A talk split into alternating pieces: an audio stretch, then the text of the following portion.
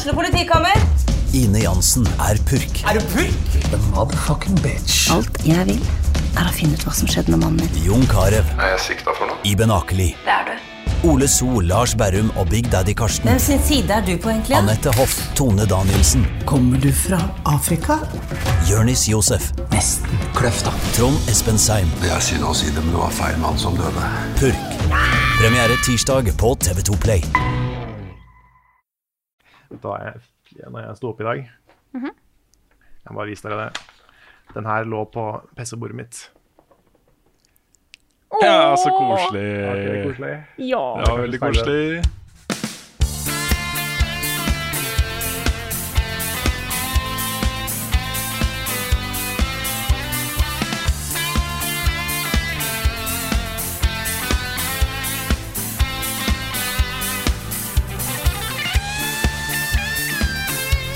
Da ønsker jeg velkommen til episode 265 av Level Backup. Nå er vi altså bare 100 episoder for at du kan høre på Level Backup hver eneste dag i et helt år.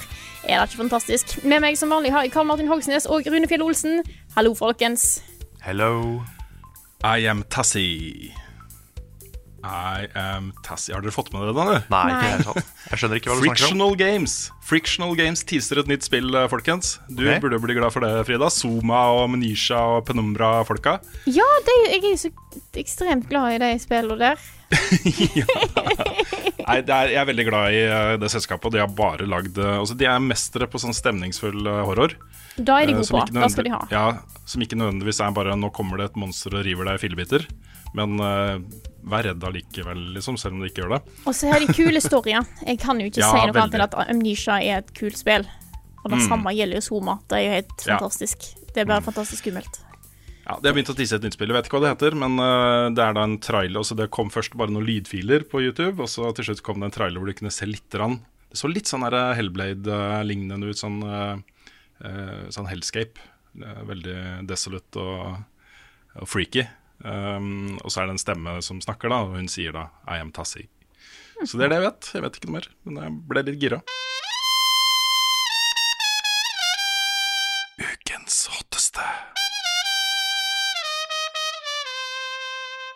Vi kickstarter ukens hotteste med et spørsmål fra Fredrik Holm. Han skriver Final Fantasy 7 remake-demoen. Har noen prøvd den? Eventuelle tanker? Og da tenker jeg egentlig bare gi ordet til Karl, for det er vel sannsynligvis du som har spilt den her av oss. Ja, for jeg hadde egentlig tenkt til å spare den, og bare ikke spille demoen. Bare vente til sp- til spillet kommer. Men så så har jeg folk begynt å spørre om liksom, hva, hva syns jeg. Eh, og så I tillegg så har jeg spilt et annet spill denne uka her som ikke jeg får lov å snakke om. Så Ja. noe må jeg snakke om ikke sant, i podkasten.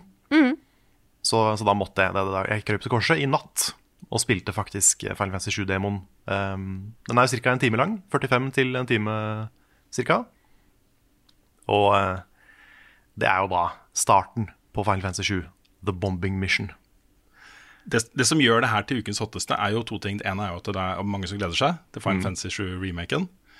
Og det andre er at den bare plutselig kom, denne demoen. Ja. Det er bare sånn, Nå er den ute. så var den der, og folk kunne gå Folk avlyste middagsplaner og alt mulig rart. Og satte seg ned for å spille dette her. ja, det er ikke rart. Det er jo et av de mest hypa spilla noen gang, den remaken her.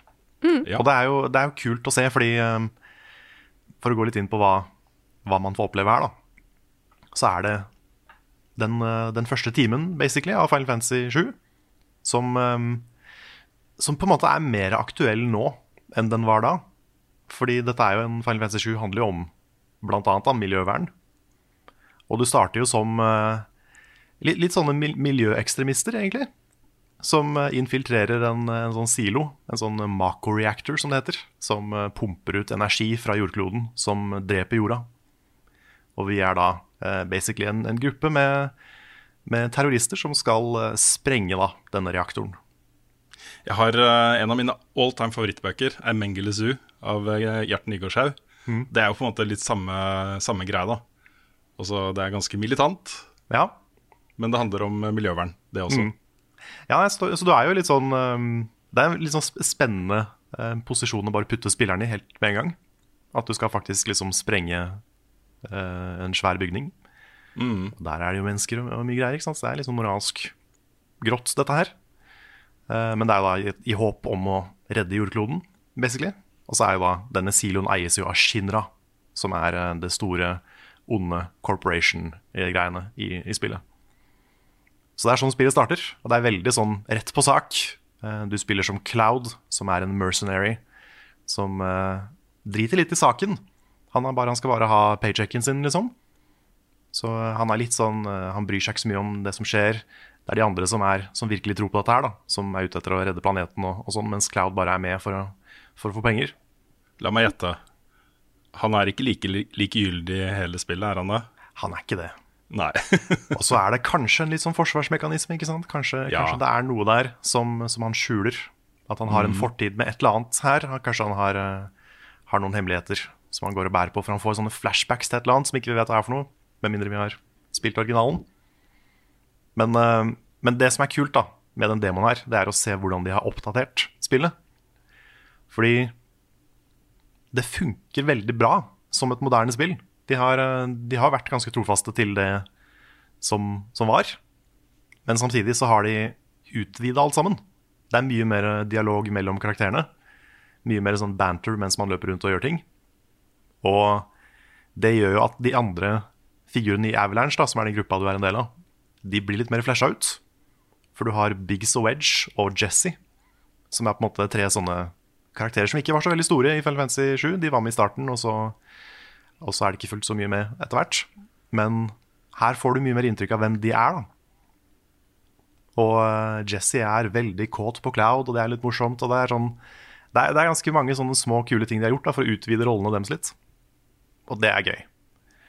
Så eh, det er på en måte Det er akkurat det samme, bare at det er litt mer. Det er litt flesha ut. Det er litt dypere, litt mer character development og sånne, sånne ting. Og det funker veldig bra, altså. Og ikke minst da, så er jo eh, spillet oppdatert til å bli litt mer sånn actionspill. Du kan spille det litt mer taktisk ved å velge classic mode, men jeg spilte på normal, som er det nye, nye kampsystemet, hvor du må eh, slå og blokkere og sånn manuelt. Men det kan du sette på auto, sånn at du bare velger liksom items og magic og sånne ting. Altså du bare velger commands, mens eh, sånn det funker på normal, er at du trykker på firkant for å angripe, og så er- holder du inne R1 for å blokke, og så um, får du en sånn der, et sånt meter som fyller seg opp. Da, og da når det fyller seg opp, så kan du bruke magi, eller du kan bruke items og sånne ting. Så det er en sånn slags mellomting mellom det actionspill og det som Final Fantasy 7 var, da. Så du noe i den demoen der som gjorde deg mindre gira på lanseringen, eh, Karl? Nei, tvert imot. Jeg ville bare fortsette å spille. Så det, Nice. det, jeg synes det er kjempebra. Det er, er det det er ingenting. Det kommer eh, 10. april. 10. april, ja, det er ikke så lenge til. Det er bare litt over en måned til. Mm. Så jeg ble ikke noe mindre hyped av den demoen her. Det er, det er uvant å spille det på den måten. Og det kan hende det er video fra, fra demoen som kommer til å gå over podkasten denne uka her. Og det, da får dere se hvor mye jeg knoter i starten. For det er litt, litt sånn læringskurve på knappene. Jeg trykker veldig mye på X fordi jeg er så vant med å trykke på X. Men det er da eh, for å pause spillet og få opp commands. Så eh, det, det er litt sånn Det tar litt tid å sette seg inn i kontrollsystemet og sånne ting. Men det er jo også noen veldig spektakulære bossfights.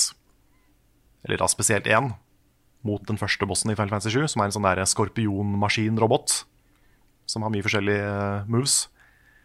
Og den tar jo helt av. Den eh, kravler på veggene, og den eh, skyter sånne laser hvor du må løpe bak noe sånn debris og gjemme deg der. Veldig mye greier, som da er liksom nytt da, for, eh, for the remake. Så de har, de har tatt det Final Fantasy 7 var, og gjort det liksom bare De har skrudd opp ganger ti, da. Føles det som. Og grafisk er mer er, det helt ja. nydelig. Det er Så det er liksom, noe det, mer enn bare liksom å slappe på en uh, uppa grafikkmotor, ja. liksom. dette, er, dette er et nytt spill som forteller den samme historien, og som Ja, satt i den samme verden og, sånn, da. Men bare alt er flesha ut. Alt er mye større. Alt er moderne. Og eh, nesten sånn Det nye kampsystemet er sånn nesten et sjangerbytte. Føles det som. Det var vel sånn at du ikke fikk med deg progresjonen i demoen videre til å, eh, liksom, når spillet faktisk kom ut, da må du spille det på nytt igjen? Mm. Forsto jeg rett da? Ja, det er riktig. Men det, det var også en av grunnene til at jeg ikke hadde lyst til å spille det på forhånd. Men um, så skjønte jeg at den var, den var ikke mer enn en time lang. Hadde det vært tre timer, så hadde jeg villet spare det. Ja. Men én time kan jeg liksom, det kan jeg spille gjennom på en, på en kveld.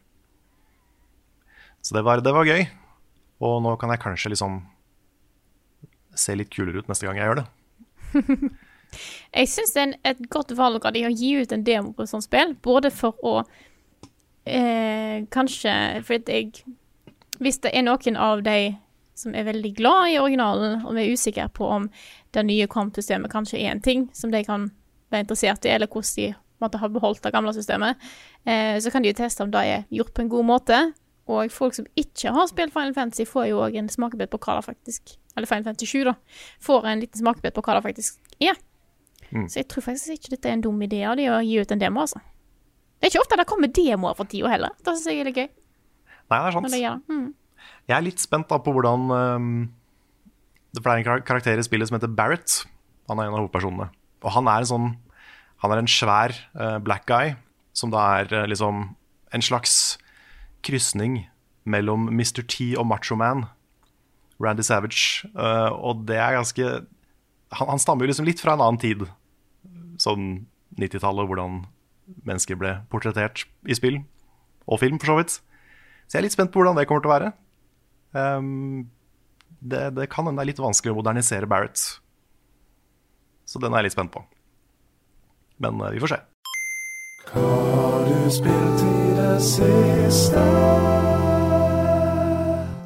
Vanligvis gir jeg ordet til Rune, men nå har jeg bare lyst til å si en ting på mitt eget vegne. Jeg har ikke spilt noe denne uka, fordi nå er jeg endelig ferdig med topp ti-lista mi. It's done. You made it. Nice. Det var eh, dessverre bikka vi rett inn i mars. Jeg hadde håpet det var gøy å få den ut i februar, men Ja. nå er han ute.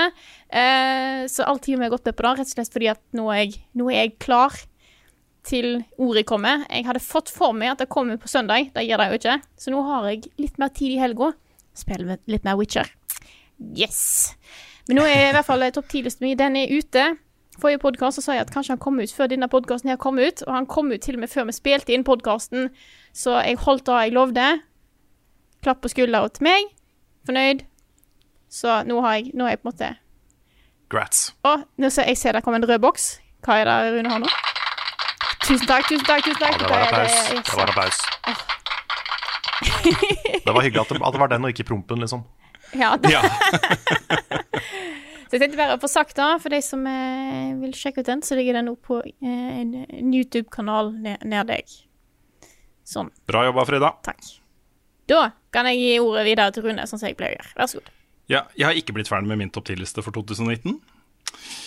Den sitter litt langt inne, altså. Det er, det er vanskelig. Jeg har liksom skrevet nesten ferdig, og så er det For jeg har starta den på en sånn måte som gjør det litt vanskelig å fullføre den. OK. uh, og det er uh, når man ikke da finner ordene man har lyst til å bruke, liksom, så, så er den litt tung, da, selve avslutninga. Men den kommer. Den er, eh, manuset er nesten ferdig, det er bare de siste 10% som sitter så langt inne. Så eh, den skal i hvert fall komme før 2020 er over. Ja, men det er bra. Såpass kan vi si. Mm. Jeg har jo da spilt uh, et spill jeg har snakka mye om de siste ukene. Det er jo eh, The Division 2, som har fått uh, den store delscenen sin. Uh, Warlords of New York. Det, kom, det, det er litt morsomt, det, fordi helgen før lansering så fremskynda de lansering på PC et døgn. Så den kom da plutselig på mandag.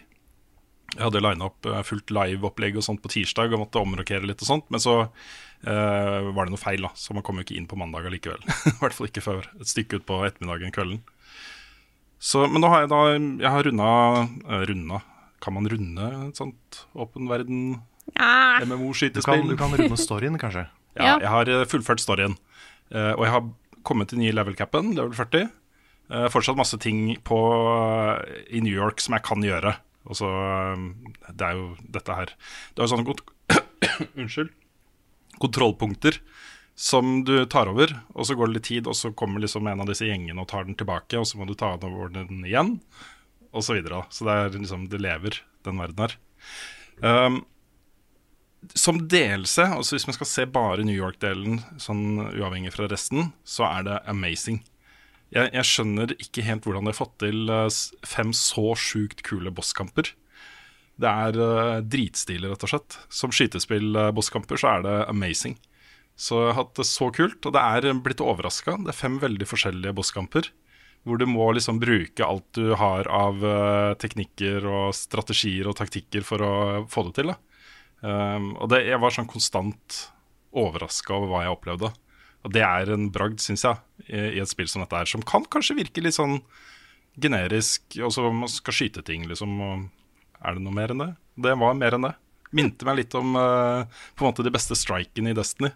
Hvor man har en plan, og man har liksom litt overraskelser og puzzles og mekanikker som man må pønske ut og finne ut av og sånne ting. Eh, ikke bare skyte ting. Så jeg var veldig, veldig happy med den.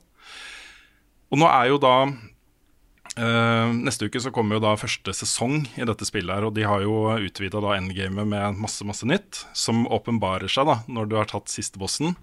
Um, og det er Jeg vet ikke om det er en spoiler. Jeg syns det var kult å opp, oppleve det på egen hånd. Um, hva som skjedde etter at jeg tok den siste bossen i DLC-en. Um, så jeg skal være litt vag uh, og si at det um, De har endra på en måte powergrinden betraktelig. Du føler deg så powerful når du er ferdig med den siste bossen. Bare Shit, du er, uh, du er så kul. Og så er du plutselig nerfa da, i Division 2 hele verden. Liksom. Du er mye, mye svakere sånn grunnstyrke eh, enn det du var før DLC-en. Eh, så nå må du starte den eh, climben på nytt. Finne gear. Extracte eh, de beste statsa fra armor og våpen. Um, grinde ut en ny character, rett og slett. Uh, og masse, masse XP for å komme opp i power da, og helse og sånne ting. Så det er en helt ny grind. Det er, det er helt sjukt også. Jeg satte meg ned sammen med Bjørn. Uh, vi tok siste bossen sammen.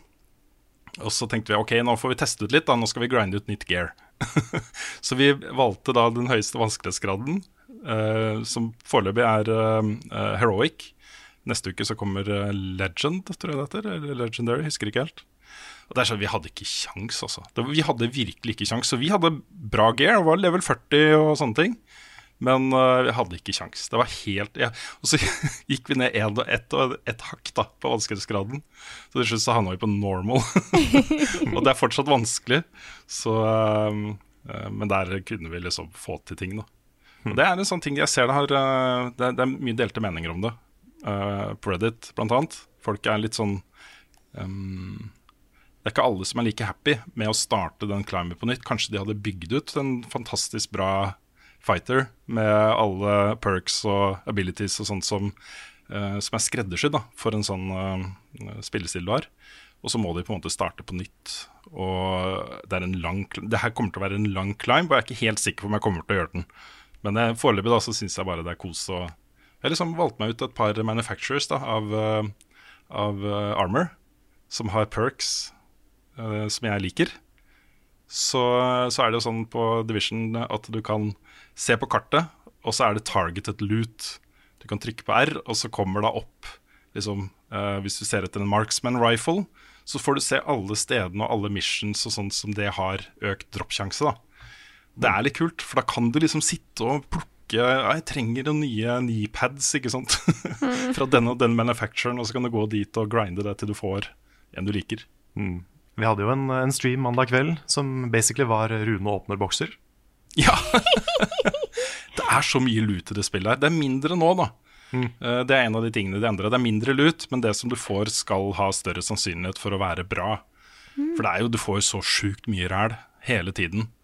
Um, men de har gjort en ting som, uh, som gjør den greia der mye mer behagelig. da, og det Jeg koser meg sånn med det. det er at du, Når du har vært ute og gjort et mission eksempel, eller vært ute i verden og gjort et eller annet, så kommer du alltid tilbake med masse masse lut. Um, du har ikke sett på det engang. Det er bare Hele inventaret ditt er fylt med lut. Så kan du gå da, og så kan du ta hvert enkelt armor piece og hver, hvert enkelt våpen. Gå til en uh, egen sånn stasjon, og så kan du extracte de beste perksene. Og Så får du se da på menyen om det våpenet f.eks. har en perk som er bedre enn det du har fra før. Og Så legger du det inn i banken, og så kan du bruke det så mange ganger du vil etterpå. Og Det er litt kult å se de der barsa fylles opp da, og komme nærmere og nærmere maks. ikke sant? Det er en sånn derre Det er sånn derre grinde-kos som jeg elsker. For da har jeg fått en del av de der som jeg liker, som er, de er på maks, ikke sant? og kan begynne å liksom plassere de på armor pieces som jeg har lyst til å bruke. Så um. Det er uh, Division 2 er i hvert fall eh, blitt et utrolig solid spill. Uh, utrolig solid og vellaga og velfungerende og gjennomtenkt og alt dette her. Jeg har en følelse av at de kommer til å uh, senke vanskelighetsgraden litt. For den er innmari høy, altså. Det kommer til å ta mange uker før jeg har klart å gjøre noe som helst på heroic og legendary. Um, og det er Jeg vet ikke om det er helt intensjonen. Um, jeg, jeg skjønner jo hvorfor de har gjort det, fordi det løper jo folk rundt i Division 2 som er basically gods. Også de kan gjøre alt Tidligere, da, før delscenen, de kunne gjøre alt på høyeste vanskelighetsgrad og bare fise gjennom. Sånn, så det gjerne blir da disse spillene med power creep og sånt. Så jeg skjønner jo at de måtte gjøre noe, men uh, kanskje de har gått litt for langt. da, Vi får se. De sier de følger med, og så får de se da, og gjøre justeringer etter hvert. Um, jeg kan ta også et uh, spørsmål fra Einar Pedersen, som spør Runa har stupt tilbake i Division 2. Nå som vi har expansion og en rework av hele spillet, vil vi få se en fullverdig anmeldelse av spillet? Og det kommer, fordi um, nå, nå kan jeg spille. Også det er mye jeg ikke kan fortsatt. Jeg, jeg spiller jo mye med Bjørn, og han kan ganske mye. Og han sier hele tiden sånne ting som Ja, har du gjort sånn og sånn? Og jeg bare Hæ? Hva er det? så viser det meg en eller annen desk på uh, Savehouse og sånt, hvor du kan gjøre ting som jeg aldri har sett før. Jeg skjønner ikke hva han snakker om engang. Men du er det ikke, ikke, er det ikke Bjørn mm, håper jeg, Nei, ikke- ikke vår Bjørn. mannen? Nei. Nei, det er en annen bjørn. Han er min bjørn. Ja. Ja. Ikke vår bjørn, men min bjørn. Runes Så egen bjørn. Ja. Ja. Så det er mye jeg ikke skjønner ennå, men jeg skjønner det grunnleggende og kan eh, med ikke så mye mer spilling nå uh, gjøre en vurdering som vil være ganske positiv. Kult. Jeg kom på en liten digresjon her når du snakker om lut. Det er en ting jeg har lagt merke til i Witcher 3. Det er tilbake igjen der igjen. eh, som jeg syns er veldig festlig. For du går rundt i Hvis du går inn i et hus, så kan du på en måte Du kan lute ting. Du kan gå rundt og på en måte ta ting. Og ofte er det enten noe mat som du har godt av å ta, eller sånne ting. Det er mye lysestaker og tallerkener. Jeg bare tar med meg så sinnssykt mye lysestaker og tallerkener og alt mulig sånn ræl. Som jeg bare ser for meg at Geralt bare da går rundt med liksom bare at det stikker liksom lysestaker og kniver bare liksom utover alt i det der armen Ja, hans. Jeg ser for meg liksom en sånn baker som har utrolig mange bagetter. Ja. Og bare liksom løper nedover veien. ja. Ja, Så- sånn føles det her også i Division. Også. Det er jo også Jeg klarer ikke å gå forbi en boks som kan åpnes uten å åpne den, selv om jeg vet at i den boksen så ligger det health packs. Og de har jeg maks av, så den vil bare bli liggende på bakken. Jeg får ikke tatt den med meg engang. Men jeg bare jeg klarer ikke. Det er vanskelig, altså. Men er ikke, er ikke Division en sånn kritikk av consumers? Kanskje det er noe, det er noe sånn underliggende der? Ja, jeg tror Jeg tror, eh, jeg tror Massive har liksom ah, Kanskje starta sånn og sånt, men dette handler jo bare om å gi folk den der Ja, dopamin-greia. ja. Ja, ja. Jeg, tror ikke, jeg tror ikke Division er eh, den dypeste spillserien som fins. Nei. Men det er, eh, jeg, jeg syns jo på en måte den, det at det er så mye lut i det spillet her, er ganske digg. Særlig når, uh, når alt du får, da, kan være verdifullt. Fordi den kan ha én perk som er bedre enn det du har fra før. Og da er det liksom, Uansett hva du får, da, alt er interessant. Det hadde nesten vært mer morsomt om man måtte manuelt gå inn og se om den faktisk er bedre. Men her er det jo symboler. ikke sant? Du kan gå inn på den menyen, og så ser du her har du noe som er bedre. Det er bare en grønn pil som går oppover. Så, så du vet jo også bare Ja, ja, få ta den, så er du ferdig. men, eh, men det er ganske kos, altså. At man får ting og har ikke tenkt å bruke det, men den har en perk som du har lyst på. Yes. Carl, har du eh, Ja, Kan du jeg, snakke eh, av så mye? Det er det som er tingen. Fordi jeg har jo spilt eh, Det jeg kan snakke om, har jeg på en måte allerede snakka om. Det er Ja. Final Fantasy 7-demoen. Fordi jeg har brukt masse masse tid på å spille et annet spill eh, som jeg ikke får lov å snakke om ennå. Eh, neste podkast, da kan jeg snakke om det. Men eh, ja, jeg har eh, sterke meninger både den ene og den andre veien om det spillet. Så eh, stay tuned for det. Litt sånn kryptisk, kryptisk hva har du spilt i det siste. Men, eh, men jeg, kan jo, jeg kan jo skyte inn da at uh, denne uka her var første gang som The Nights of Billeba tok alle de fire nye Raid-bossene på første forsøk. Hei! Good Så det var litt, det var litt nice. Så vi begynner å, vi begynner å bli en well-oiled machine. Så en liten shout-out til, til Billeba-gjengen.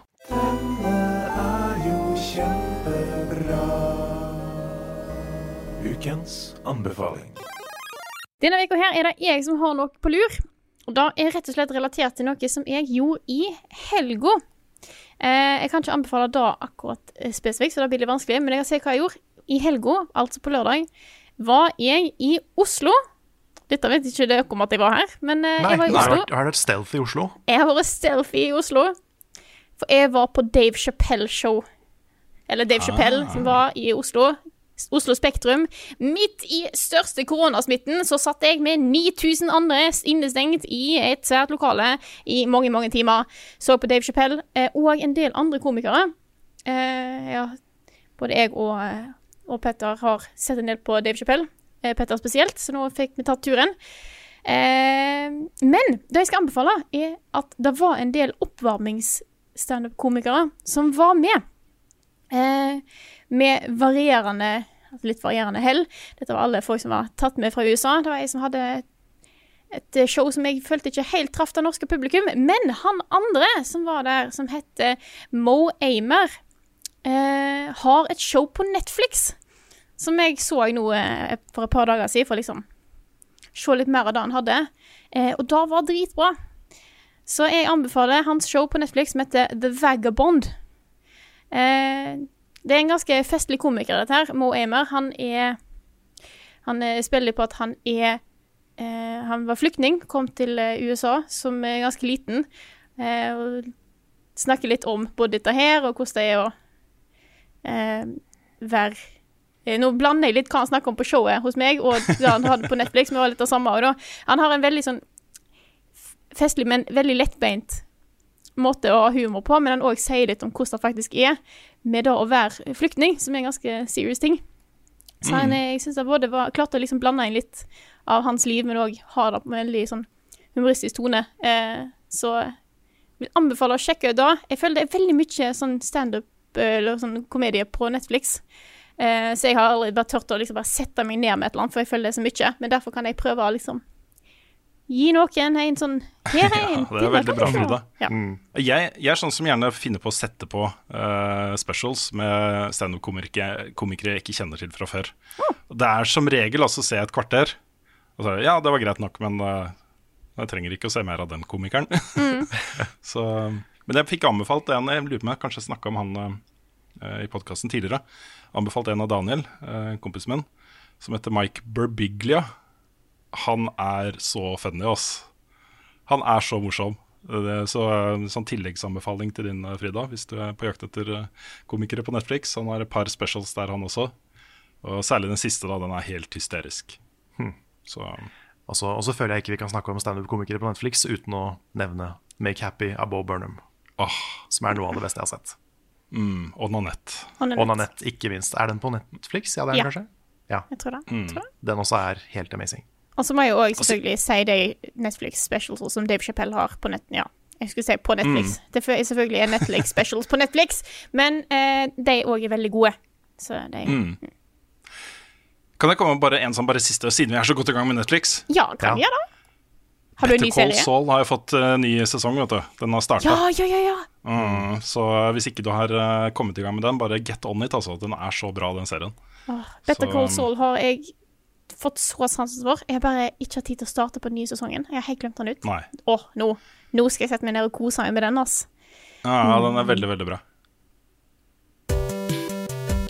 Her kommer nyheter med Rune Fjell-Olsen, og han har ikke hår. Nei, Med fare for å få litt sånn bummer start på nyhetsspalten også, så må vi innom koronaviruset denne gangen her også. Um, jeg må bare først nevne at uh, denne uka har vært i sånn opp- og nedtur for meg med akkurat det der, fordi billettene til nye Bond-filmen ble jo lagt ut, og jeg bare rett på nett.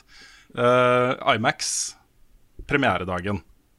Og så er hele Bond-filmen utsatt til november. De utsetter hele filmen så av koronaviruset. Så, um, og det er en litt sånn trend da, eh, som vi ser i spillbransjen også. GDC ble utsatt til sommeren inntil videre. Eh, Det er eh, unntakstilstand i California, så E3 er jo fare. Og ESA, da, som eh, arrangerer E3, sier de vurderer situasjonen nøye. Eh, Jeg, jeg tipper hvis ikke dette gir seg liksom, helt, nesten helt, så blir nok E3 også avlyst eller utsatt. Så det, er, det preger bransjen vi dekker, folkens. Det gjør det. Absolutt. Mm. Og så har det da, over til litt mer hyggelige nyheter, så har det jo vært en ny utdelingsrunde fra NFI, og det er jo så kult når Filmfondet, eller det heter vel ikke Filmfondet lenger, Norsk Filminstitutt, um, deler ut penger til norske spill, så er det, da blir jo disse spillene avslørt for første gang. For de må jo beskrive det spillet de skal få støtte til å lage, og dette er jo gjerne helt i starten av, kanskje til og med bare på skissestadiet, ikke sant. Eh, så den største, kuleste nyheten denne gangen var jo at uh, Red Thread Games jobber med et uh, spill som heter Dustborn. Det foregår i 2030-årene i, i USA, som er herja av miljøødeleggelser, og beskrives som en slags sånn derre eh, road movie. Interaktiv road movie. Så det er bare sånn alle, Red Thread, Dustborn, miljøkatastrofe, road movie, USA. Det, det høres ut som en grei miks for meg også. Ja, Kanskje det starter med at du skal sprenge en sånn Mako reactor eller noe sånt? Ja, kanskje det. kanskje det, kanskje det. Eh, det ble også kjent da at eh, altså alle disse spillene her, jeg husker ikke akkurat hvor mye de fikk. Um, uh, det er jo da fra liksom tre millioner til uh, helt ned til noen hundre tusen. Um, det kommer et Snusmumrikken-spill fra Hyper Games. Eh, veldig glad- Snusmumrikken hype, ass. Ja, det er veldig kult. Um, og Kanskje, så- det, kanskje det handler om hvor han er når han stikker av gårde Ja, hele tida? Det har du sinnssykt mye ting du kan eh, spille. Der er det law. Ja, men det jeg tror, da Det jeg lurer på, hvis jeg ikke husker helt feil i beskrivelsen, så tror jeg Snusmumrikken kommer tilbake til Mummidalen, og så er de andre borte. Jeg tror det er Oi. det som er utgangspunktet for historien. Shit. Mm. Men, hvor er, men de er jo alltid i Mummidalen. Hvor er de da? Nei, det er jo det som er spennende. Ja. What? Det her med spillet, nå ble jeg spent. Ja. Og så er det da to nye spill på vei fra Krillbite. Eh, Det ene har de vel ikke snakka om før, og det er The Plan 2. Eh, og The Plan 1 var vel Var ikke det den flua som bare fløy Jo, opp i Det tror jeg. Det sollyset? er mobilspillet. Mm. Eh, The Plan 2 vil foregå mer sånn eh, i skogen, litt sånn meditativt. Jeg vet ikke helt hva de har tenkt å gjøre. Men eh, eh, en slags oppfølger, da, altså. Og så er det jo Fruit Bus, som jeg ikke har sett noen ting fra. Eh, Men du kjører da med en sånn buss med frukt Jeg vet ikke. Men det er veldig Sold. grei departure. Ja. Men det er veldig grei det, Jeg syns det er kult da å se liksom, de norske selskapene bare gjøre andre ting. Man forventer liksom at de skal bare fortsette i en uh, suksessfull tralt og så gjøre de samme tingene som de har gjort før. Eh, men Krillbite, og så gå fra Among the Sleep til Mosaikk til Fruitbus, er jo en ganske sånn kul uh, kurve, da, Ja. synes jeg. Så lykke til. Jeg syns det her ser eh, kjempespennende ut. Um, og så ble det jo da vist fram nest, ja, det var ca. halvannen time med gameplay fra Boulders Gate 3 på PAX East, som da ikke er utsatt. Der har det vært norske utviklere og vist fram ting. Klang 2 um, uh, Ja, diverse ting. Men uh, Boulders Gate 3 er jo uh, eh, fra Larian Studios, og de har jo eh, gjort megasuksess eh, med sånne svære vestlige rollespill i nyere tid, med Divinity Original Sin og Original Sin 2. Og dette ser jo veldig sånn hardcore ut, da. Altså det er jo en eh, du, du skjønner at de fikk den jobben eh, når du ser Altså likhetene mellom eh, Divinity og det, det som er i Boulders Gate 3. Det er et hardcore rollespill med terninger og hele pakka. Um, ja, men jeg har registrert at folk eh, syns det ser veldig bra ut. Det var litt interessant at det da, da i utgangspunktet bare kommer på PC. Det kommer helt sikkert på PlayStation 5 og Xbox Series X, men det kommer ikke på PlayStation 4 og Xbox One.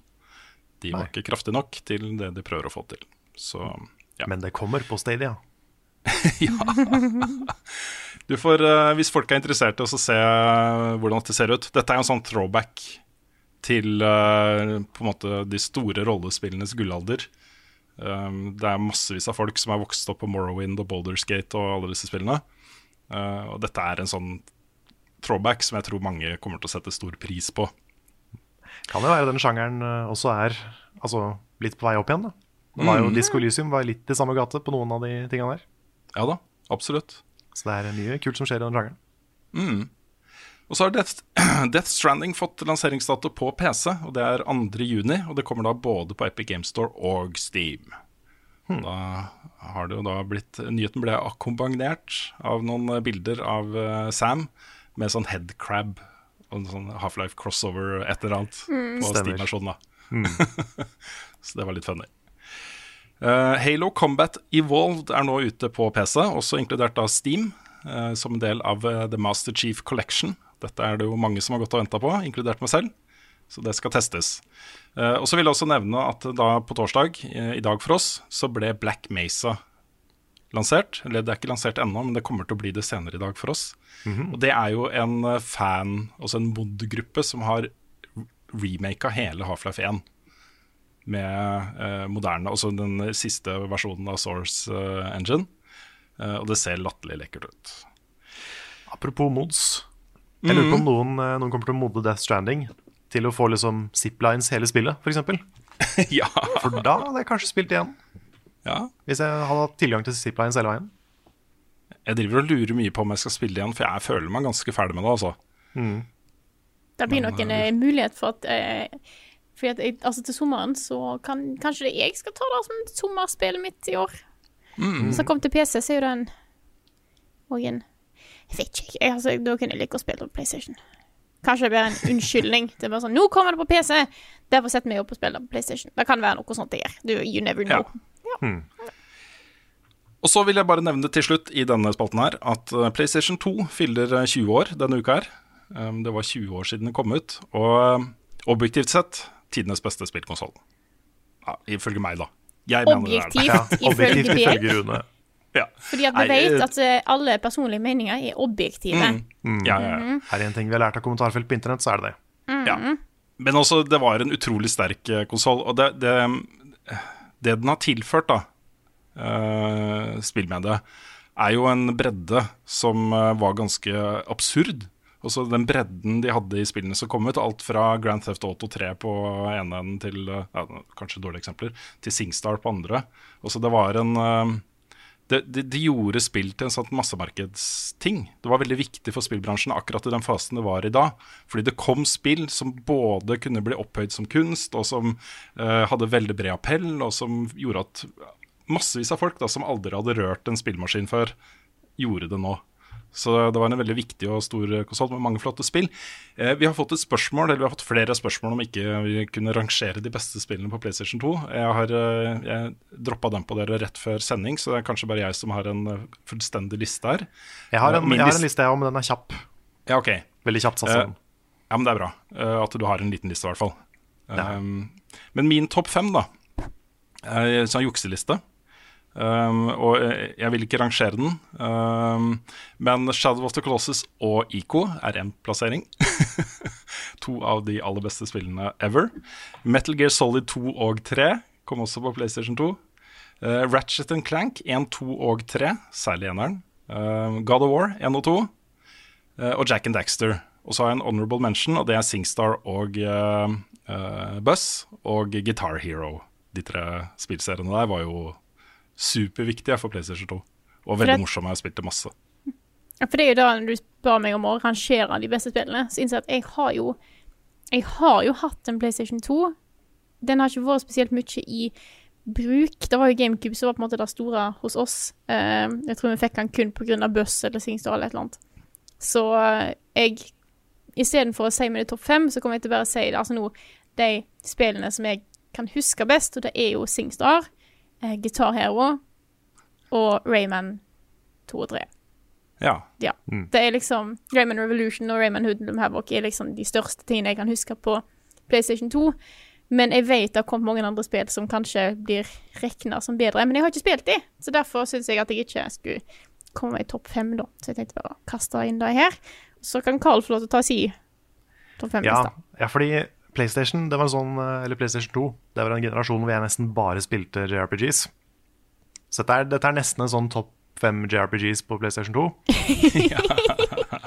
Men uh, på toppen har jeg sjokkerende nok Kingdom Hearts 2 Final Mix, som bare fortsatt er et av de beste spillene jeg har spilt noen gang. Og så har vi Final Fantasy 10. Vi har Persona 4, som, kan, som jeg fortsatt kanskje syns er det beste Persona-spillet. Det det er veldig likt mellom 4 og 5, men 4-eren har liksom en hakket bedre story. Som at jeg har med Shadow of the Colossus. Uh, og til slutt så har jeg Shadow Hearts Covenant, som er et litt mer sånn under radaren eh, JRPG, men det var veldig bra. Altså PlayStation 2 var kjempebra for JRPGs, mm. uh, som ikke er spesielt glad i, da. Men uh, særlig innenfor uh, Også på andre ting, så særlig innenfor uh, tredjepersons action adventure plattformspill, gjorde de et solid jafs også uh, på å ta igjen Nintendo. De hadde liksom både Ratchet Clank-serien, de hadde Jack and Daxter-serien og Sly-serien. Og så tre kjempegode, uh, svære tredjepersons uh, action adventure plattformspill som, uh, som jeg elsker nesten alt av. Så eh, det var, en, det var viktig for meg også på, på den konsollen. Og ikke minst da, så kom jo også Shadow the Hedgehog på PlayStation 2. hva kommer egentlig nå? Jeg har ikke peiling. Hva kommer nå? Og denne ukas wildcard-spalte er faktisk sendt inn av en av våre kjære lyttere. Dette er fra Tobias Eie. Han skriver uh, Han kaller det videospill 21 spørsmål. En av dere velger et spill, og så må de andre gjette seg fram til det med 21 ja og, og eller nei-spørsmål. Eksempel, er dette et skummelt spill? Er det utvikla i Japan? Er hovedkarakteren et dyr? Og så videre. Mm. Eh, nå har vi funnet fram hvert vårt spill. Eh, Yes. vi tar vel sånn at hvis én har et spill, så er det da de to andre som kombinert så kommer med 21 spørsmål. Ja, kanskje sånn annenhver gang eller noe sånt. Ja. spørsmål. Mm spørsmål. Så skal vi derfra. Nå er det jo vel nå skal, Jeg vet ikke hvem, hvem har lyst til å ha første spill? Jeg kan godt ta første. OK. Mm. Nå må Go. du det må, Ja. Jeg bare sånn For å få sagt reglene. Hvem er det som teller antall spørsmål? Jeg kan telle. Ja, Ja, ok. okay. Ja. Carl teller. OK. Har du lyst til å ta første spørsmål, Rune? Um, ja, det kan jeg gjøre. Er det på PlayStation 2? Nei. Er det et Nintendo-spill? Ja. Er det på Nintendo 64? Ja. Er det en av Nintendos største spillserier? Nei. OK. Eller Um, nei. Nei. Er det utviklet av Nintendo? Nei. Er det et spill som har en sang om The Great Mighty Poo? Nei. Jeg vurderte det, men nei. Er det utvikla av Rare? Ja. Eh, er det to hovedkarakterer? Ja. Er det Banjo Kazooie? Det er helt riktig. Oh, yeah. Det var under ti spørsmål. Veldig bra. Det var ni spørsmål. Nice. Nice work. Dere kom veldig fort inn på Nintendo 64. Ja. Jeg som trodde jeg hadde valgt liksom noe som ikke var det første Ja, det er greit. ja. Men uh, hvem vil fortsette? Skal du ta en, runde? Jeg, jeg kan eh, ta den, jeg. Ok, Teller du spørsmål, da? Jeg kan telle spørsmål. På, okay. På fingrene må jeg nesten gjøre det, da. Yes. Skal jeg begynne, da? Mm. Ok. Er det et spill på PlayStation? Nei. Er det et spill på Nintendo? Nei. Eh, da er det kanskje på PC? Ja. Er det en kjent PC-spillserie? Nei. Er det kom, har det kommet ut på 2000-tallet? OK, jeg, jeg omfor, om, eh, er det kommet ut etter år 2000? Mm, Da må jeg jukse litt. Litt heismusikk? Um, bi. eh, ja. Etter år 2000. Supert. Ok. Har det en mannlig hovedperson? Ja. Men jeg kan bare si ja eller nei. Og så Ja. Ja. ja. Mm. Ja. Oh. Eh, hmm. Har jeg spilt, da? Det vet jeg ikke, Frida. Nei, det er greit. Mm. Har jeg spilt det? Ja. Har vi spilt dette i level up-sammenheng? Um, på en måte, ja. OK. Oi. Er det et uh, skytespill? Nei. Det Er var det- ti spørsmål. Ok. Er det et spill hovedsakelig retta mot et voksent audience? Nei. Nei. Det er ikke et barnespill. Men det er ikke et sånn Ja. Ok, da mannlig hovedperson. Er det Også, et puzz- puzzlespill? Nei. OK. Eh, er det et MMO? Nei. Nå har du eh, Nå må dere, dere må stille noen spørsmål som snevrer inn, tror jeg. Ja, ja. Ja, vi ja. må det. Um, er det en profilert utvikler som står bak? På en måte, på en måte så ville det vært feil å si nei, men um, uh, Jeg må nesten si nei, men uh, det, jeg kunne sagt ja. Dette er vanskelig. Er det et OK. Er det et spill som brukes innenfor e-sport? Nei. Er det et Archie-spill? Ja. Er det et storytungt spill? Ja. Huh. Som OK, bare for å oppsummere litt her nå. Da, Ja. når jeg spurte om det kom ut et år 2000, så måtte Rune sjekke. Mm. Så det er ganske gammelt, sannsynligvis.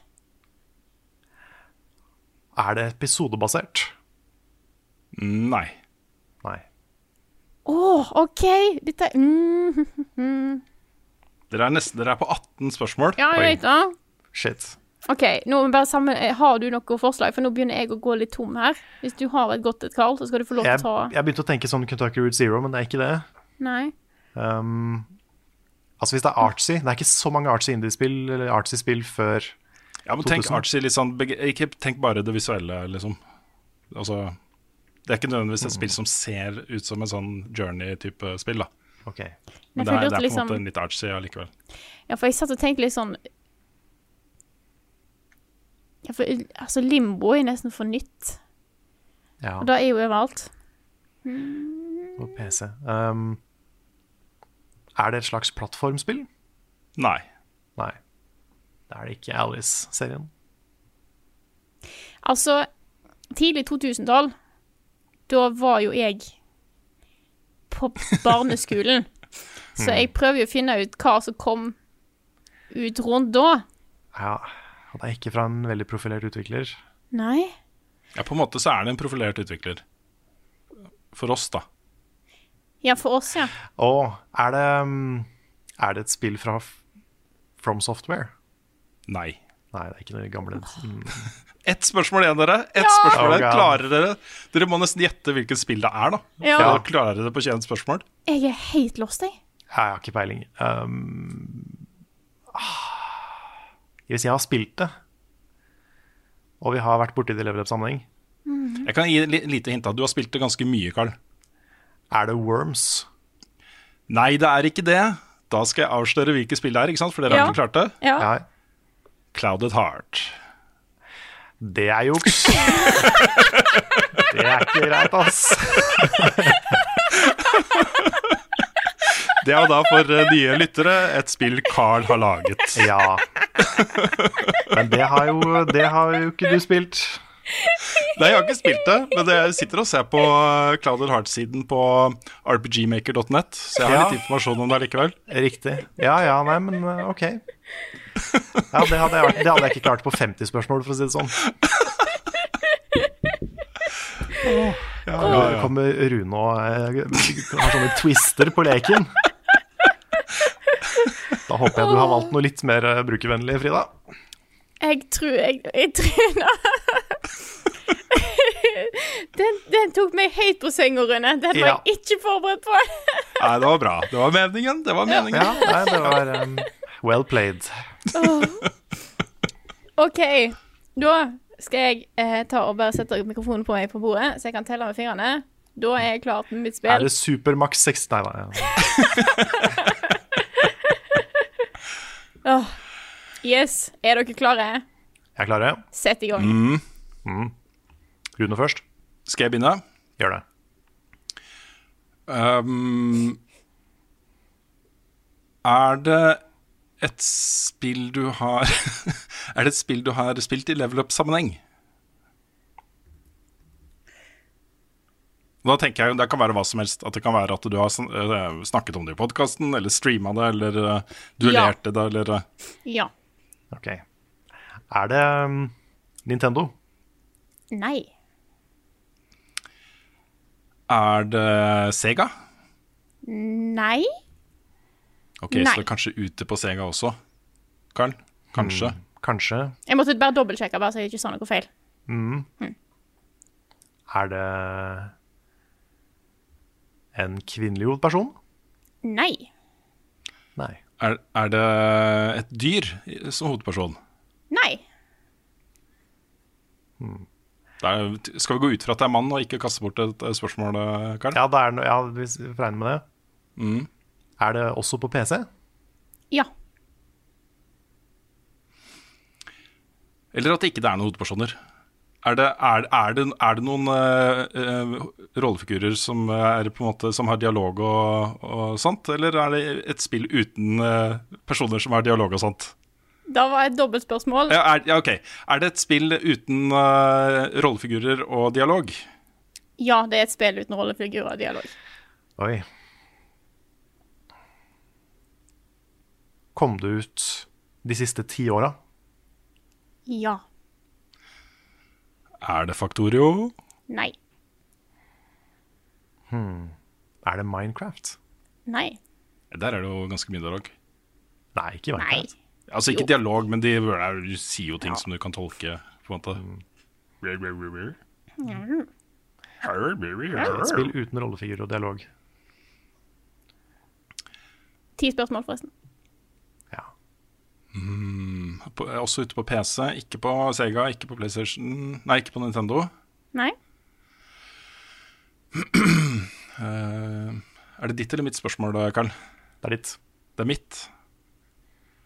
Um,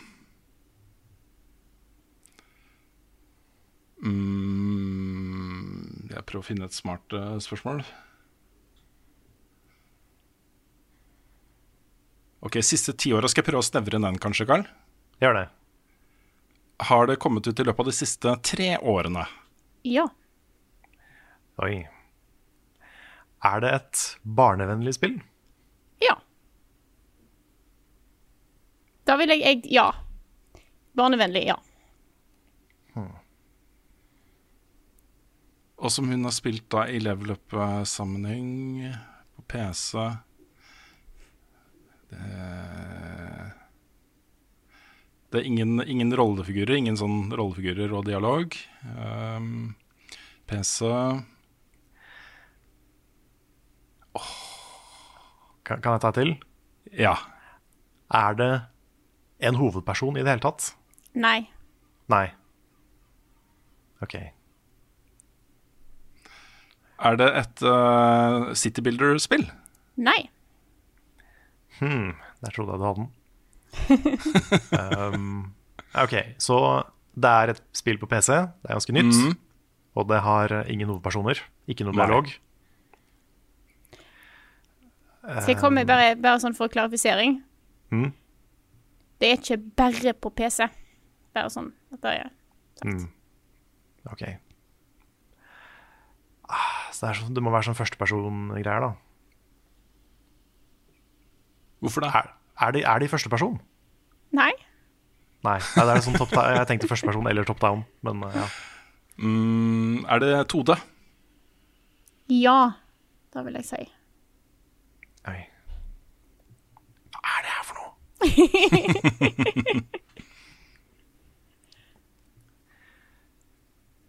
Har det kommet ut det siste året? Eh, da Originalt som vi kjenner det, så kom det ikke ut det siste året. Jeg tror ikke vi vil Ja. Flere plattformer etc.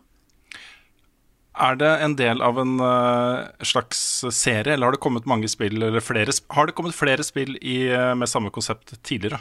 Ja. Da har jeg en, eh, Karl. Skal jeg prøve Ok, dette? Ja, gjett.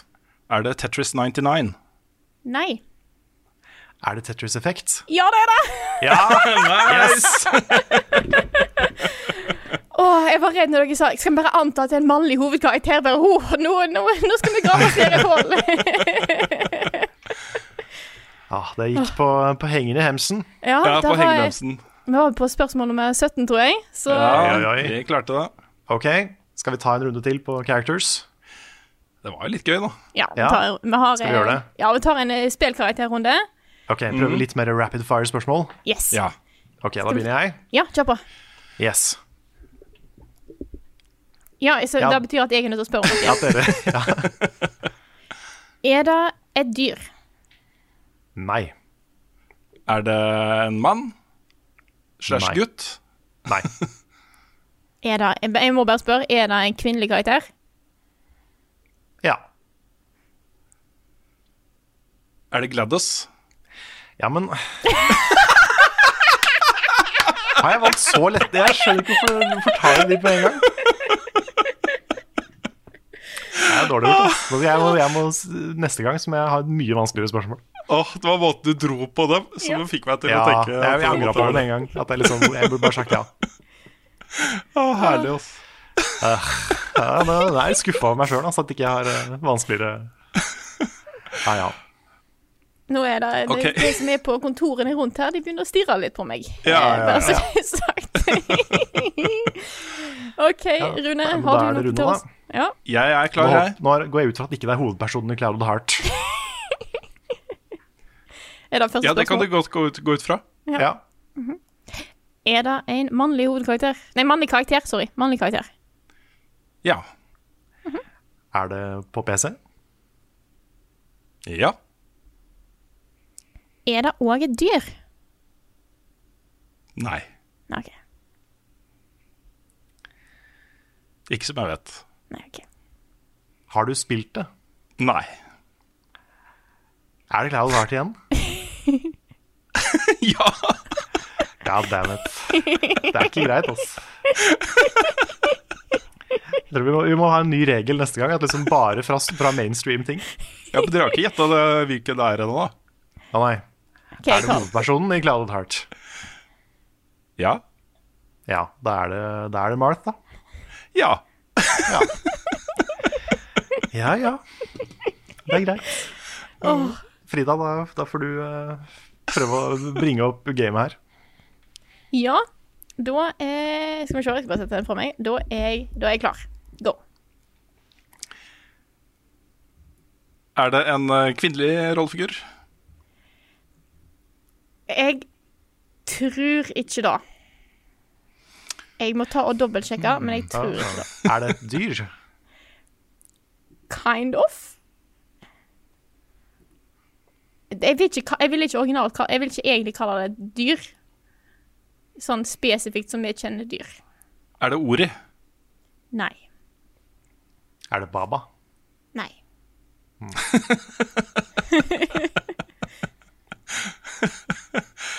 Ehm.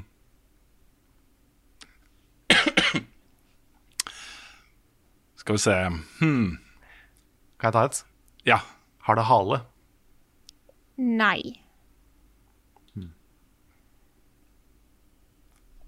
Det, det var, fant du ut at det var kvinnelig eller mannlig? Hva er Det det, er, jeg vil si mannlig. Mannlig? Mm, for da, altså hvis det, du, du er litt usikker, så utgår liksom både Rayman og Meatboy. um, hmm. Hmm, hmm, hmm. Å, jeg har et spørsmål. Ja, ta det, du. Er, er karakteren med i Smash Bros? Ja. Ah, kult. Uh, Eh, jeg kan jo ikke så mye om Smash uh, sjøl, da. ja. Nå har jeg mange spørsmål, så det... Ja, ja. Jeg, jeg, kan jeg bare gjette noen karakterer som jeg kan? ja. da bruker du spørsmålet, da. Ja, OK. Kan, kan vi snevre det inn litt til? Mm. Er den rund? ja. Er det Kirby? Det er Kirby. Jeg hadde en følelse siden du var litt usikker på Ja, Altså, hva dyr? Er, er det et, kjønn? ja nei, den er vanskelig. Så jeg, måtte Ja, det var, ja. Artig, folkens. Det Ja. var lettere å gjette characters enn å gjette spill. Ja. Yes. Se, Kanskje vi skal ha den her i bak, eh, bakhånd, der som vi ikke har noen annen gang. For dette her var eh, gøy. Mm. Og så neste gang eh, kun mainstream-spill, da. Eller, da med, eller ikke nødvendigvis mainstream, men ting som er til Ja. Ja, Ting som også seerne kan gjette seg til. Så til neste gang må alle gå og spille Clouded Heart, er vel egentlig det vi sier. Mm. Ja, det er alle, alle kommer til å være fra det framover. Ja. Hva er dines best, hvor var fredag sist? Har Carl egentlig sopp? Ukens spørsmål. Og første spørsmål ut er fra Daniel Kvien. Han skriver Jeg har et inntrykk av at vi som er glad i spill, var mer opptatt av grafikk før. Hvorfor var det sånn? Si 12-15 år siden så var det mer vanlig å høre sjuk grafikk, og poff, så var det nærmest automatisk et bra spill. I dag opplever jeg mer meg sjøl inkludert fra eh, eh, opplever mer meg selv inkludert fraser som Nei, grafikken er ikke særlig, men gameplayet, stemningen, stilen, dette er kunst, grafikk er ikke det viktigste, osv. Likevel, venner og familier som har null forhold til spill, tror fortsatt grafikk er den eneste variabelen om et spill er bra eller ikke. Daniel, hvorfor kan du, hvorfor kan du spille det der? Elendig grafikk. Hva kan disse endringene i hva et godt spill er, komme fra? Og det Ja, var det er en periode der eh, graf- grafikk var liksom da viktig. Ja, Mesteparten av den perioden, perioden jeg har spilt, har det vært utrolig mye snakk om grafikk. Ja, og, og det- jeg syns spørsmålet var så godt, fordi ehm, eh, det jeg innså for ganske, også ganske nylig, at eh, det, det der er ikke noe issue. Og hver gang vi snakker om liksom, de nye konsollene som kommer, og sånne ting Det er en grunn til at jeg sier ja, den har så og så mange teraflops og bla, bla, bla. bla, bla ikke sant? Det, er, det betyr ikke noe, fordi alt ser bra ut. Da, hvis det vil lage spill som ser pene ut. Selv da på Switch, som er eh, den minst kraftige av de tre nåværende. Breath of the Wild. Oh my lord, det ser jo så nydelig ut. Mm. Det forventer man, og det er blitt en del av altså man, Hvis man vil lage et spill som ser utrolig flott ut, så kan man gjøre det. Um, og det er litt deilig at vi har kommet bort fra den derre der. Og så uh, var det en artikkel i Aftenposten for noen uker siden som jeg klippte ut et sitat fra, fordi det var egentlig en veldig god sak om Tetris. Han, skaperen av Tetris. Men da i introen, for å liksom eh, plassere Tetris i en sammenheng, så hadde da journalisten skrevet Spillet hadde 35-årsjubileum i juni i fjor, og Tetris er et av verdens aller mest solgte dataspill gjennom tidene. Det til tross for at det er blottet for vold, drap og skrikende grafikk. og så er det sånn liksom Åtte av de ti mest solgte spillene ever har jo ingen av de tingene i seg. Uh, og det med skrikende grafikk er en sånn ting liksom altså, Det er ikke et salgsargument lenger, da. Nei, nei I det er litt sånn OK boomer-line, ja. Ja, Det, veldig. er- det er gammeldags måte å se på spill på nå. Jeg, må, jeg tror at hovedgrunnen til det er fordi at vi har hatt en ekstrem revolusjon når det kommer til datakraft og grafikk. Det som vi har Ja. sett de siste årene, er jo helt tullete. Når du f.eks. ser Et ekstra, kjempebra eksempel er å sammenligne hvordan Fine Fantasy 7 så ut da det kom ut, og hvordan det ser ut nå. Eh, og det er jo spesielt de første La oss si første årene etter La oss si Final Fantasy 7, eller på en måte den Når du begynte å få 3D eh, la oss si PlayStation 1, 2-æren, og en, la oss si ti år framover, så har de vært helt ekstremt i den eh, utviklingen som du har sett. Og da har jo hver nye iterasjon vært veldig tydelig. Plutselig går du fra trekantpuppe til noe som faktisk ser ut som puppe. Litt sånne ting, sant. Men i de senere åra så har jo òg selv om datakraften nå går opp, så blir datakraft brukt til andre ting. Det blir mer små Altså litt sånn ekstra at du kan ha mer fancy hår på Geralt, la oss si. Og da er ikke like tydelig som de, det, det hoppet du har i få polygoner til mange polygoner. Mm. Da legger en mer merke til tydelig. Og jeg tror at siden vi har på en måte De endringene som blir gjort nå, krever mye datakraft, men de er ikke like tydelige for oss som forbruker, og derfor legger vi ikke like mye merke til det, og heller ikke bryr oss så mye om det. For det er sånn som du sier, man nådde nådd liksom det punktet der ting ser veldig bra ut. Eh, så har du noen spill som gjør det helt insane, sånn som Hellblade, men de fleste er godt laga, grafisk sett. Ja da. Det er veldig få som måtte se at dette her er ræva grafikk på. Og så handler det om, det handler om modning av, eh, av um, hos spillerne også. At eh, det skal mer til enn bare pen grafikk for at man skal like et spill. Altså Det er systemene i spillet og eh, de andre tingene som, eh, som er der, som er viktigst. Nå er det jo fortsatt sånn at jeg kan spille et spill og bare sånn stoppe opp bare se på den vistaen som er foran meg, for det ser så vakkert ut. Det er fortsatt sånn. Det kommer spill, altså Red Dead Redemption 2, God of War, hvor man kommer over en åskant, og så bretter det seg ut et, eh, et, et miljø som er så vakkert at jeg må bare stoppe og nyte det. Det skjer fortsatt, men det har jo skjedd hele tiden. da. Eh, Men det hadde ikke vært, jeg hadde jo ikke vært glad i God of War hvis det bare var det. Også, det må være noe mer, og da er det jo alle de andre tingene som gjør at jeg virkelig uh, høyner den opplevelsen for min egen del. Da. Ja, jeg tror eh, veldig mye sånn historisk har handla om at uh, også måten spillet har blitt markedsført på. Fordi grafikk er veldig lett å selge. I hvert Ja. fall når det går så fort som det gjorde fra NES til si PlayStation 3. Da. Mm. Så er den kurven veldig tydelig, og det er veldig lett å selge det til kunder. Og så, og så blir det en sånn målestokk på hvor bra hvor holdt på å si, mye penger som er spytta inn i et spill, og hvor svært og Hvis det ser state of the art ut, da.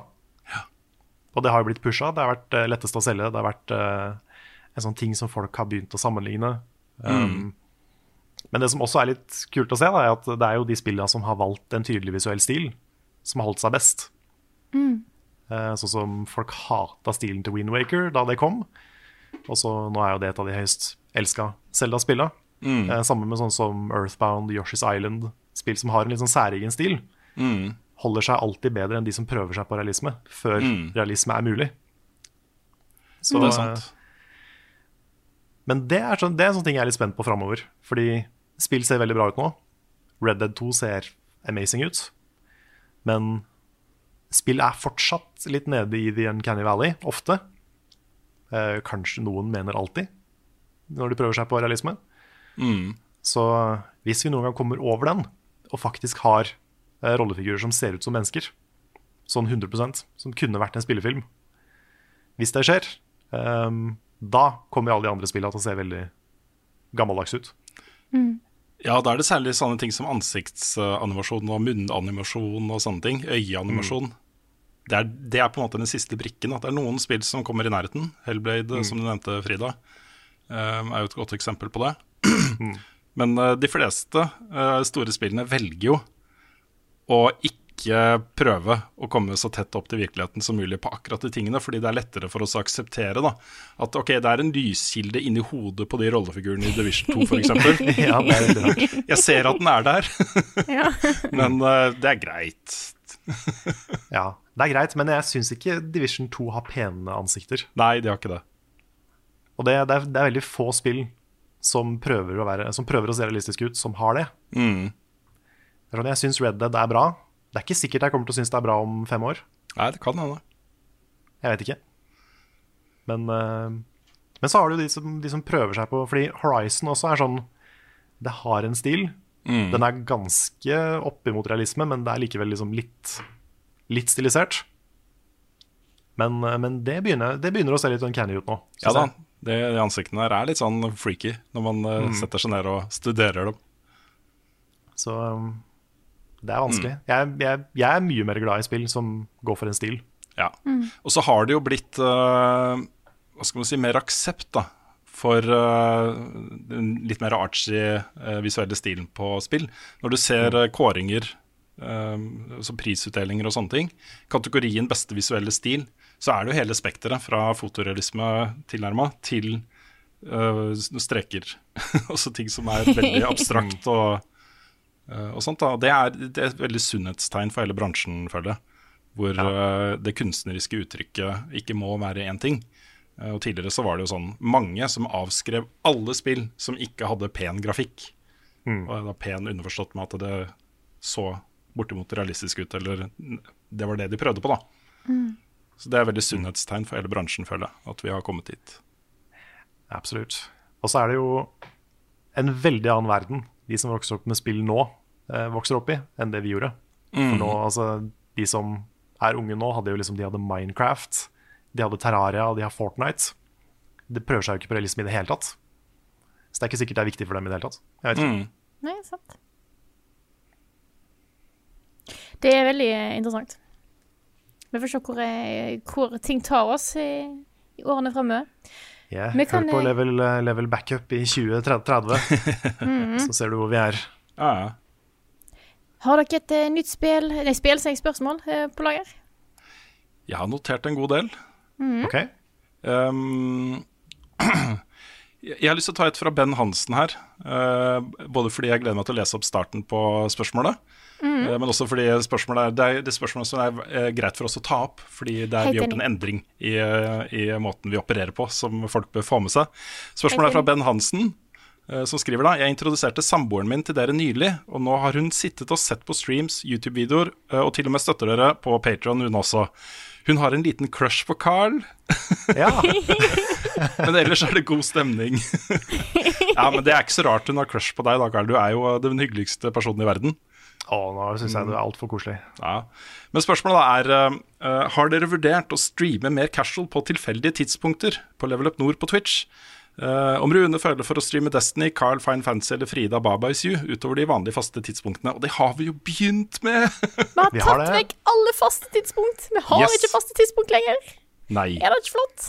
Ja, så på mandag så skrudde jeg på streamen to ganger, faktisk. En dag midt på dagen hvor det ikke ble noe Vi kom jo ikke inn på Division-serverne. Og så da på kvelden klokka ni. Da var Jon Cato med, og det var uh, ordentlig hyggelig. Det var Så, det. og du har streama Witcher, og Nå har Carl, jeg, du har. Du har streama Fine Fancy. Jeg har det. Ja. Så det, um, det, er, det er planen framover. Å bare streame litt mer på, uh, på lystbasis. og når vi har tid og når det passer. Så ja. det er sånn vi kommer til å gjøre det framover. Ikke fast på onsdag lenger. Det blir Så- uh, når som helst på dagen. Hvilken, hvilken som helst dag. Mm. Så vi går jo ut med informasjon når det skjer, hvis det er planlagt litt mer fram i tid, sånn som f.eks. da jeg spilte Witcher, som jeg hadde planlagt noen dager. Så gir vi beskjed på det på de kanalene vi kan. Hvis det er litt plutselig, nå har vi lyst, så kommer vi òg og gir informasjon hovedsakelig på Facebook og Patron. Um, men òg hvis dere bare følger oss på Twitch, Level Up Nord, så får dere, skal dere, hvis Twitch-systemene fungerer, få beskjed når vi går live. Mm. Så det er en mulighet der. Så kan jeg også nevne at det kan hende at vi kommer tilbake til et fast eh, streametidspunkt uh, seinere, når Eldorado uh, Gaming Center åpner. For der er jo planen da at vi skal ha et eh, mer eller mindre fast liveshow på den scenen de har der, eh, som også skal streames. Så, men det blir jo mer, mest kanskje et show for de som er i salen, hvor man også har muligheten til å følge med på, på Twitch f.eks. Fortsatt litt, litt inn i framtiden. Litt inn i Ja. framtiden.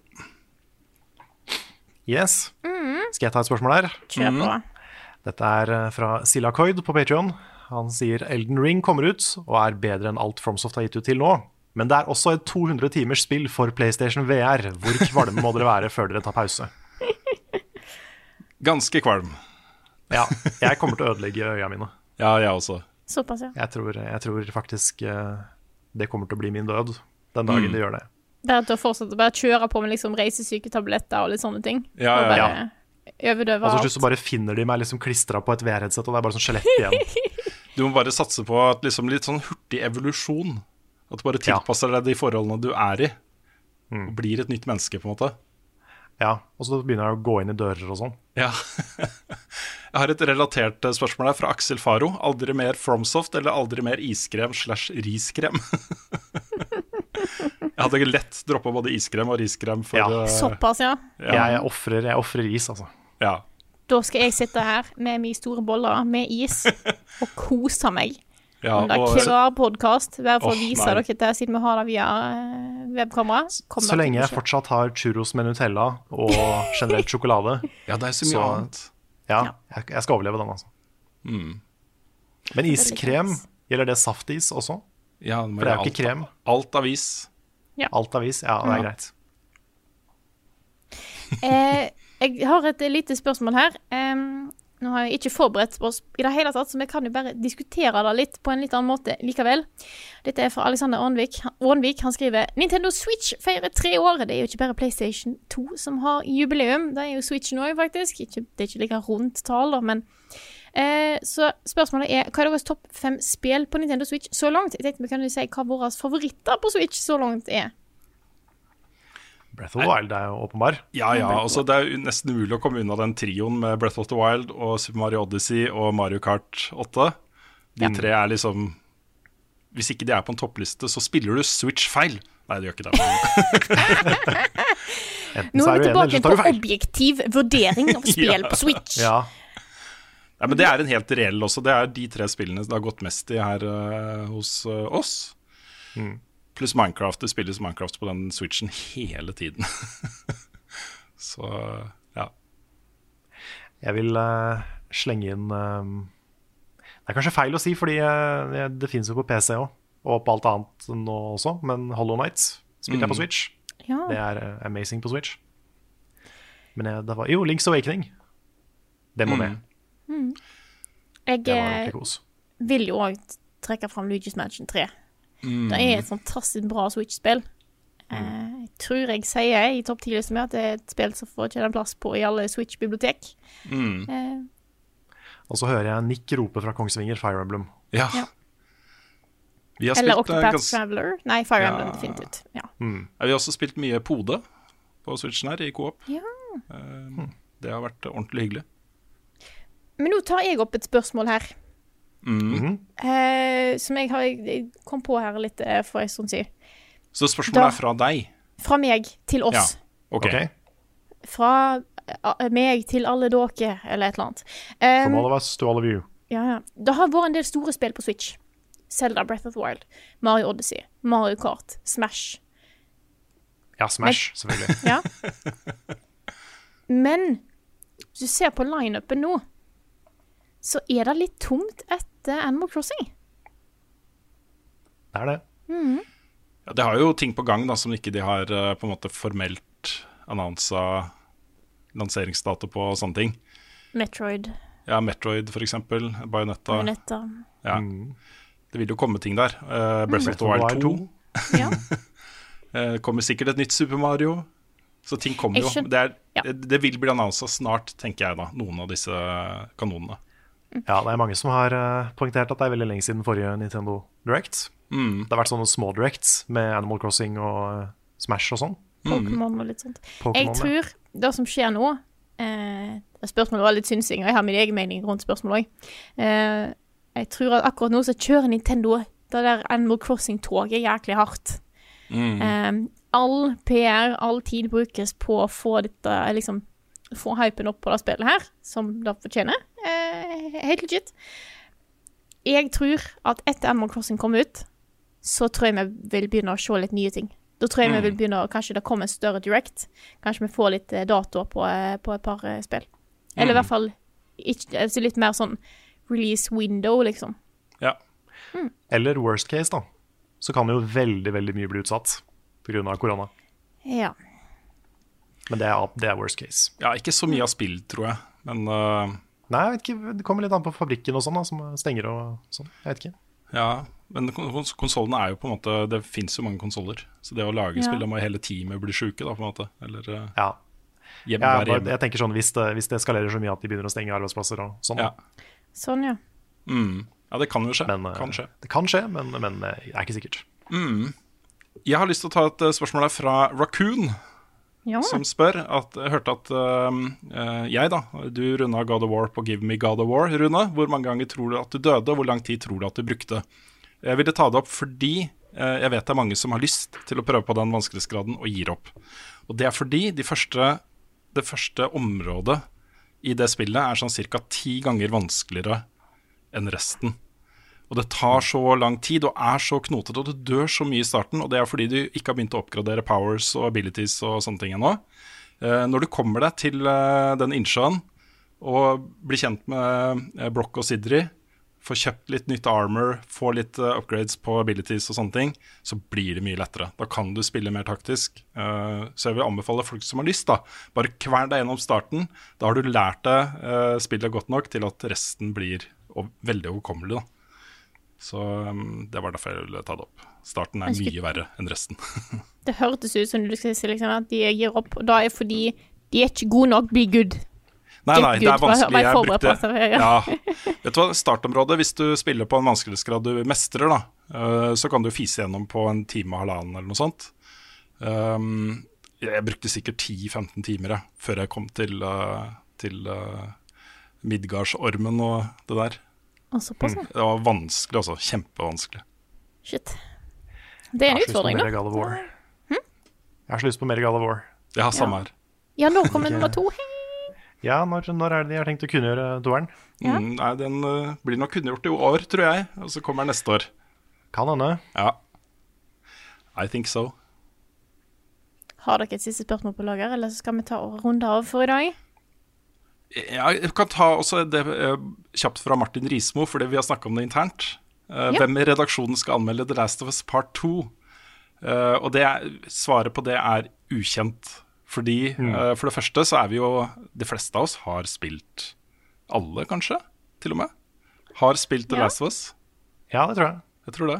Og jeg tror jeg også alle kunne tenke seg å anmelde. Eller i hvert fall de fleste. Så eh, vi bestemte oss bare for å ta den diskusjonen når vi vet når vi får kode, og hvem som har best tid og eh, mest lyst på en måte til å gjøre det. Ja. Det er jo også et spill som eh, vi har lyst til å på en eller annen måte få med Lars på. Fordi eh, Lars har jo The Last of Us som favorittspill. Ja. Så det å få hans, eh, hans mening om The Last of Us har vi lyst til å i hvert fall på en eller annen måte få inn. Mm. Men dette er en sånn type utgivelse som, eh, hvis du ser for deg de andre spillene vi har gjort sånne ting på, som det sikkert kommer en spoilercast på, fordi det er mange i redaksjonen som skal spille det. det kanskje vi kjører en stream eh, på toppen, kanskje en Let's Play-serie i tillegg. Kanskje klassikerinnslag av The Last of Us part 1. Altså det, vi kommer til å gjøre ganske mye av den, ut av den lanseringen. Da. Så eh, det er et spill vi kommer til å dekke bredt. Og med da så tar vi runde av denne podkasten her. Eh, dette er en podkast utgitt av moderne media. Låten i introen og outroen er skrevet av Ole Sønnek Larsen og arrangert og framført av Kyoshu Orkestra. Vignettene er lagd av fantastiske Martin Herfjord og litt Rune Fjell Olsen. Du finner masse mer innhold fra oss på youtube.com slash youtube.com, ikke con. .com. .com, ja. Ja, slash level up nord, hvis det var en usikkerhet rundt, eh, rundt det nettadressa. Eh, og twitch.tv slash level up nord. Eh, hvis du vil være med på å sørge for at vi kan lage masse innhold om spill, og flere topp ti-lister kanskje, hei, og alt annet, så er det bare å gå inn på, og bidra på patreon.com slash level up norge med det beløpet du sjøl har lyst til. Tusen takk til alle som bidrar, og takk til alle som har hørt på. Vi snakkes igjen neste uke. Kanskje youtube.com er ledig.